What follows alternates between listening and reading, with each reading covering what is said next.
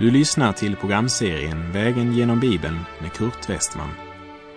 Programmet produceras av Norea Radio Sverige. Vi befinner oss nu i Uppenbarelseboken. Slå gärna upp din bibel och följ med. Vi befinner oss i Uppenbarelsebokens tjugonde kapitel och vi har kommit till den slutliga domen och det är min bön att vi inför denna gudomliga sanning ska besinna livets och evighetens allvar. Graven är inte det sista. Det är bara inkörsporten till evigheten. Och på den sista stora dagen så är det en enda fråga som avgör din evighet. Vad gjorde du med Jesus? Vi läser Uppenbarelseboken 20, vers 11 och 12. Och jag såg en stor vit tron och honom som satt på den. För hans ansikte flydde jord och himmel och det fanns ingen plats för dem. Och jag såg de döda, både stora och små, stå inför tronen. Och böcker öppnades och ännu en bok öppnades, Livets bok och de döda blev dömda efter sina gärningar, efter vad som stod skrivet i böckerna. Jesus själv han beskriver den här händelsen så här i Matteus 25, vers 31 och 32.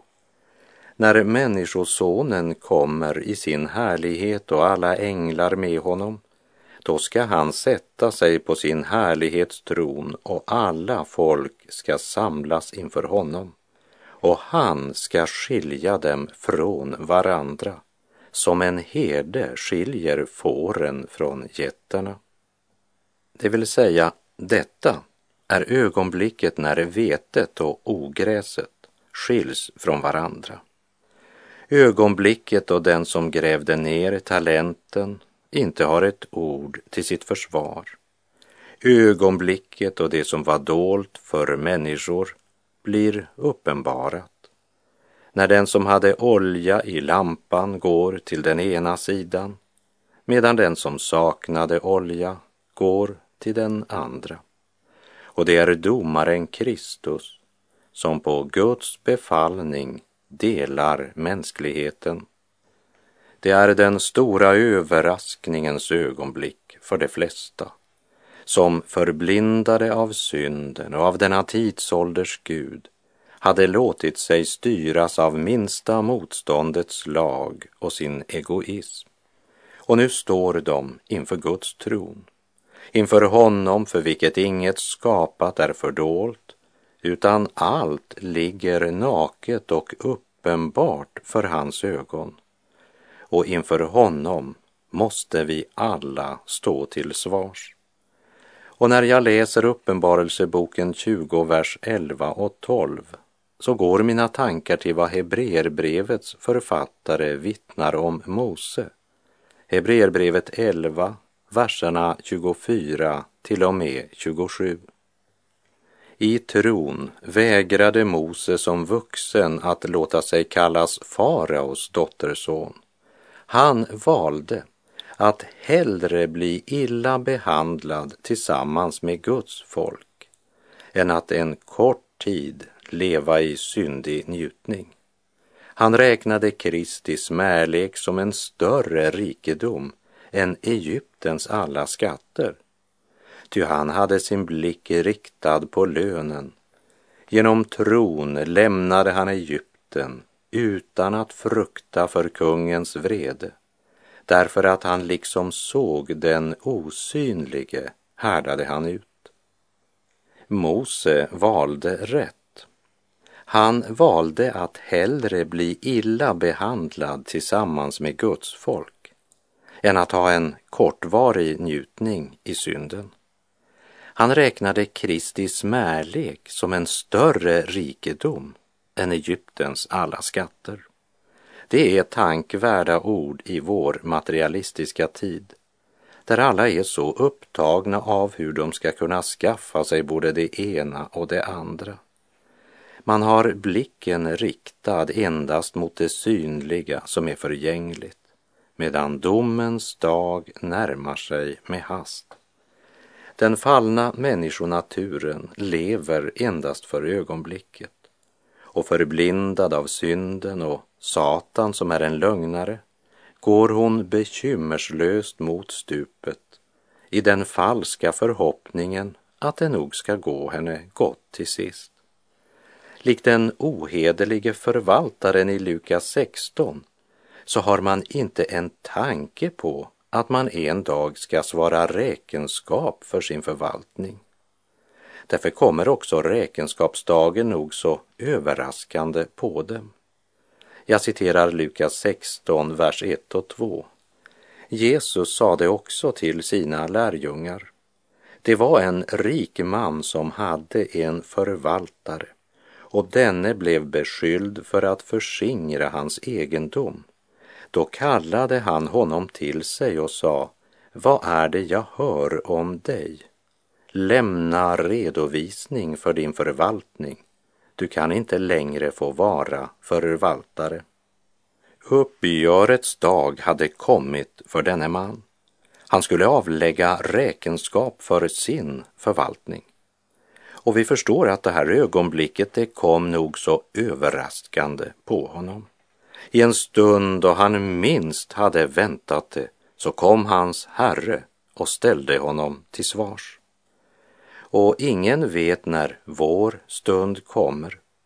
Antingen det sker genom en plötslig död eller på annat sätt. Hör vad Paulus skriver till de troende i Thessalonika. Första Thessalonikerbrevet 5, vers 1 till och med 11. Om tider och stunder, bröder, behöver vi inte skriva till er. Ni vet själva mycket väl att Herrens dag kommer som en tjuv om natten.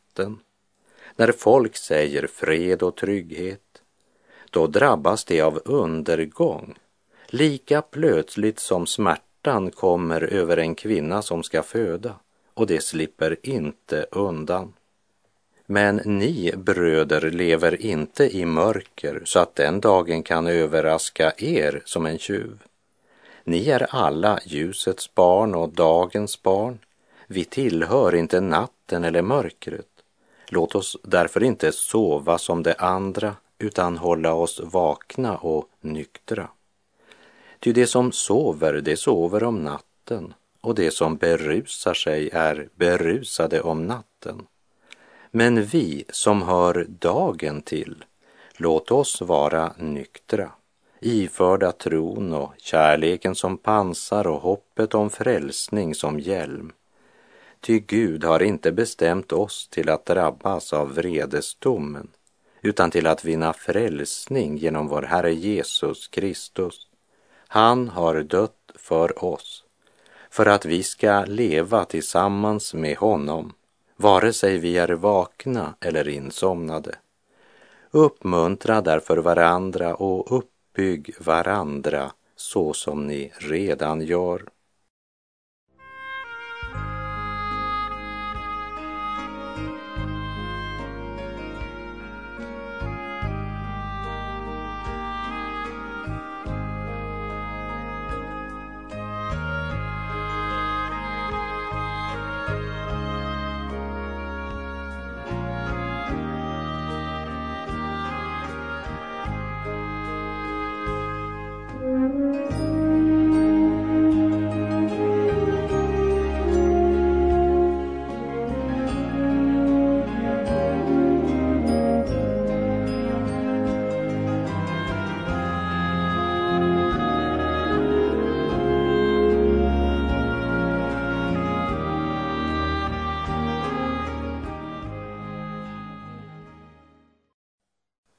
Och jag såg de döda, både stora och små, stå inför tronen.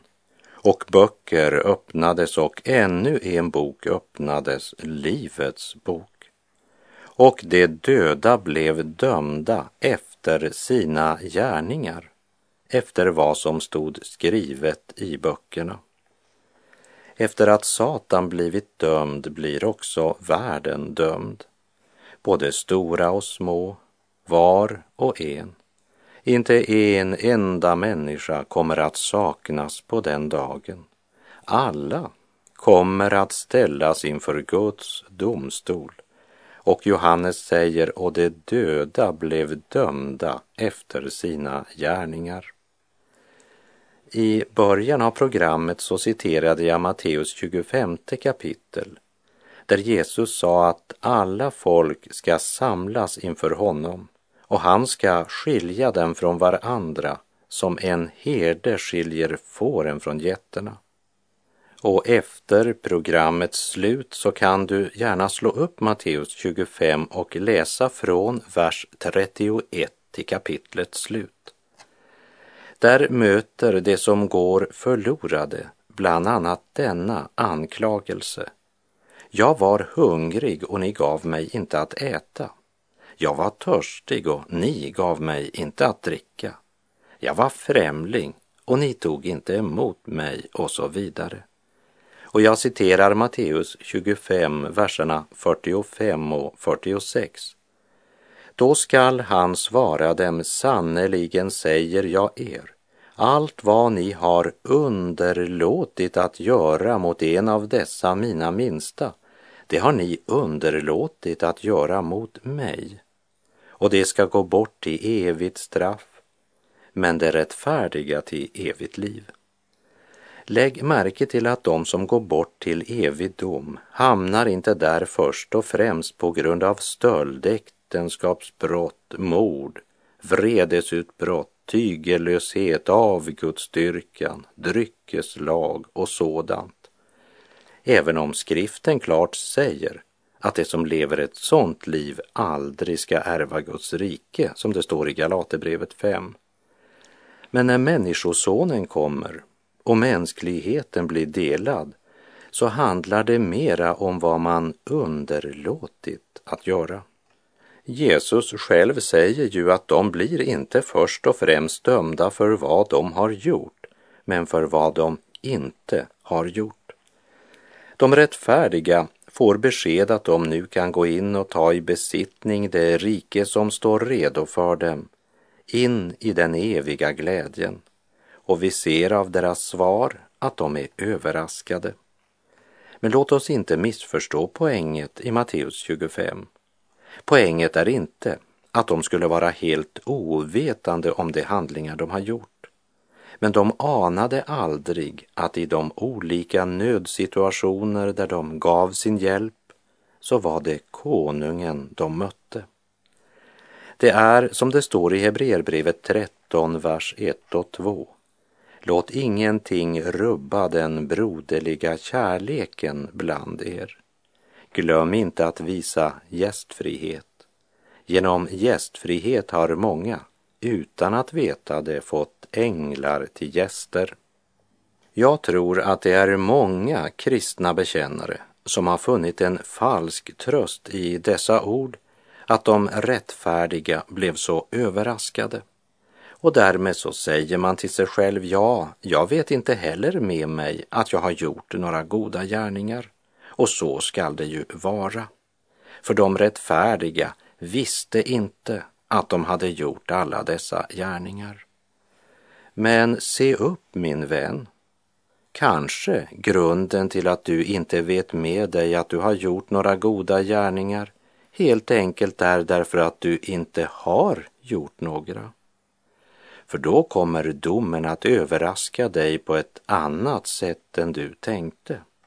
Men vi ska också lägga märke till att de som hade underlåtit att göra dessa saker, de hade en ursäkt, en förklaring på varför de inte hade gjort det.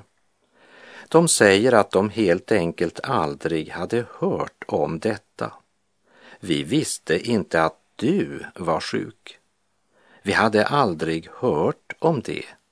Vi hade inte en aning om att du var hungrig, för hade vi bara vetat det så... Men du ser, det här var helt okänt för oss. Vi visste inte. Och det är två saker vi absolut måste lägga märke till när det gäller deras ursäkt. För det första, jag tror att den var sann. De hade nog anat nöden i världen men de trodde inte att det angick dem. För man kan ju inte engagera sig i allt som de ofta sa. Jo, deras ursäkt var sann. De hade inte tänkt så mycket varken på hungriga, främlingar eller de som satt i fängelse. Alltså, deras ursäkt var sann, det är det första. Men så kommer det andra, och det är viktigt. Hör detta, kära människobarn. Den ursäkten håller inte. De som blev dömda skyldiga var också överraskade. Och jag vill säga till dig som är likgiltig inför nöden du har både runt omkring dig och runt om i världen. Skaffa dig information. Ta reda på hur det verkligen är och låt det du vet leda till konkret handling. Kristna bröder och systrar förföljs och lider i stora delar av världen idag. Vad vet du om det? Och vad gör du med det? För du ska vara klar över att i liknelsen om fåren som skiljs från getterna så är det kristna bekännare det talas om. Den som inte tror är redan dömd, säger Guds ord. Och så kommer överraskningen för dem som menade om sig själva att de hade tron. Men den fick inga verkliga konsekvenser för de nödlidande. Vare sig för den nödlidande som var granne eller en som led i ett land långt borta. Och de gjorde inga goda gärningar, för de visste ju inte om att det var konungen som var den lidande hungrande, fängslade. Hade de bara vetat det skulle de verkligen ha handlat. Den ursäkten håller inte, säger Jesus. Det du har underlåtit att göra, det ska du veta, det är mot mig du har underlåtit att göra det. Och detta, det bör vi tänka över innan vi står inför den situation som Johannes beskriver i Uppenbarelseboken 20, vers 12. Och jag såg de döda, både stora och små, stå inför tronen. Och böcker öppnades, och ännu en bok öppnades, Livets bok. Och de döda blev dömda efter sina gärningar, efter vad som stod skrivet i böckerna.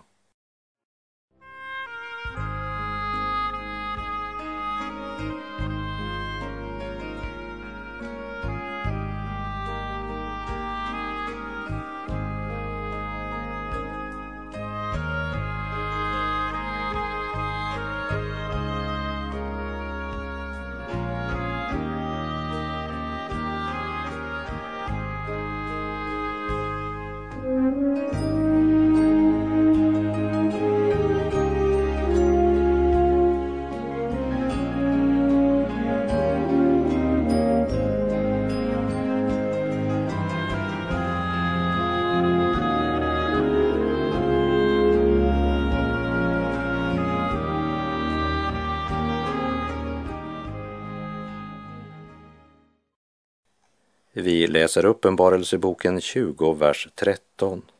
Och havet gav tillbaka det döda som var i det. Och döden och dödsriket gav tillbaka det döda som var i dem.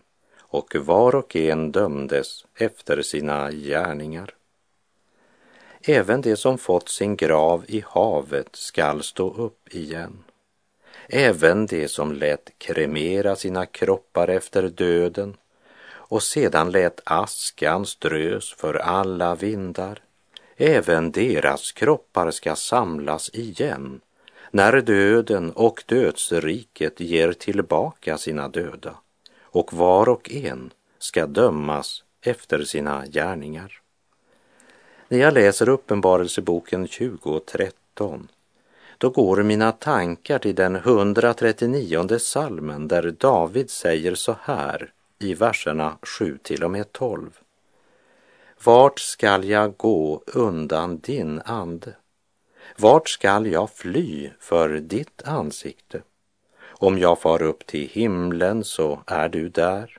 Om jag bäddar åt mig i dödsriket så är du där. Om jag tar morgonrodnadens vingar, om jag gör mig en boning ytterst i havet, så skall också där din hand leda mig, din högra hand fatta mig. Om jag säger låt mörkret falla över mig, så skall natten vara ljus omkring mig. Själva mörkret är inte mörkt för dig. Natten skall lysa som dagen och mörkret skall vara som ljuset. Genom profeten Jeremia proklamerar Herren i Jeremia 17.10 Jag, Herren, utforskar hjärtat och prövar njurarna för att ge åt var och en efter hans vägar, efter hans gärningars frukt. Gud är den som utforskar varje människohjärta. Det finns inget som är dolt för honom, absolut intet. Och jag vill belysa detta genom att citera två verser från Romarbrevets andra kapitel. Först Romarbrevet 2.5 som säger Genom ditt hårda och obotfärdiga hjärta samlar du på dig vrede i vredens dag när Guds rättvisa dom uppenbaras. Och Romarbrevet 2.16 det skall visa sig på den dag då Gud dömer det som är fördolt hos människorna allt enligt det evangelium som jag predikar på Jesu Kristi uppdrag. Det som är fördolt, vad är det för något? Ja, det är allt det där som du trodde att ingen annan visste något om. Sånt som du lyckats dölja för andra. Men en dag skall det fram i ljuset allt sammans. Varje liten tanke och handling, allt. Ögonblicket då den mest välputsade fasad faller till marken och alla ursäkter brinner som torr halm och man har inte någonting att gömma sig bak. Då ska Gud döma det som du trodde var fördolt. Saltaren 139 talar om Gud som den allestädes närvarande. Den talar om Gud som den allsmäktige och allvetande. Och den inleds på detta sätt. Herre, du utforskar mig och känner mig. Om jag sitter eller står vet du det. Du förstår mina tankar fjärran ifrån. Om jag går eller ligger utforskar du det. Med alla mina vägar är du förtrogen. David säger, jag kan inte säga eller viska ett enda litet ord, hur hemligt eller fördolt det än sker, så känner och vet du varför det blev uttalat och i vilket syfte det blev sagt. Du känner inte bara orden, men motiven och sinnelaget. Du känner allt vad som föregår i min själs innersta. Och i Lukas 12 så säger Jesus, ingenting är dolt som inte ska bli uppenbarat och ingenting är gömt som inte ska bli känt. Och Hebreerbrevet 4.13 ger oss följande viktiga upplysning om Gud. Ingenting kan döljas för honom. Allt skapat ligger naket och blottat för hans öga och inför honom är det vi ska avlägga räkenskap. Allt detta kände David mycket väl till. Därför avslutar han den 139 salmen med följande bön. Utforska mig, Gud, och känn mitt hjärta. Pröva mig och känn mina tankar. Se till om jag är på en olycksväg. Led mig på den eviga vägen. Och det är alltså i samma psalm David säger Vart ska jag fly för ditt ansikte? Om jag far upp till himlen så är du där. Om jag bäddar åt mig i dödsriket så är du där. Det finns ingenstans att gömma sig på domens dag. Jag repeterar Uppenbarelseboken 2012. Och jag såg de döda, både stora och små, stå inför tronen och böcker öppnades och ännu en bok öppnades, Livets bok. Och de döda blev dömda efter sina gärningar, efter vad som stod skrivet i böckerna. Jag har inget svar på vad detta är för böcker eller vad de ska illustrera. Och det är inte heller nödvändigt. Det är nog för oss att veta att dessa böcker finns. Uppenbarelseboken 20, vers 14 och 15. Döden och helvetet kastades i eldsjön. Detta, det vill säga eldsjön, är den andra döden. Om någon inte fanns skriven i Livets bok kastades han i eldsjön. Syndens bedrägeri låg i att människan så gärna önskade slippa syndens frukter som den inre tomheten, ofriden, vanmakten, taggen i samvetet, samtidigt som man inte ville överge syndens njutning. Och förblindad av denna tidsålders Gud insåg man inte att den som sår i sitt kötts åker av köttet skall skörda undergång. Syndens lön är döden. O människa, var har du din tillflykt och vad vill du göra idag? Du lever för rikdom och ära är offer för världens bedrag. Men tänk på din själ som så fattig ska vandra den eviga stig.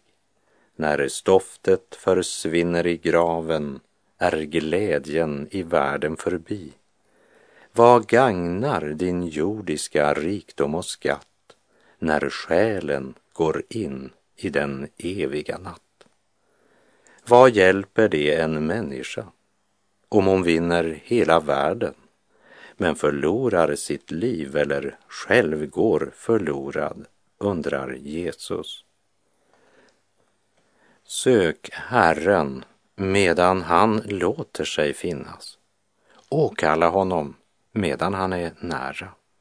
Och säg till Herren, döm mitt hjärta här i tiden innan världen döms av dig och när tiden är förliden i ditt domslut fria mig.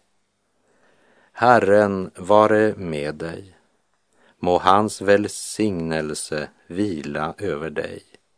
Gud är god.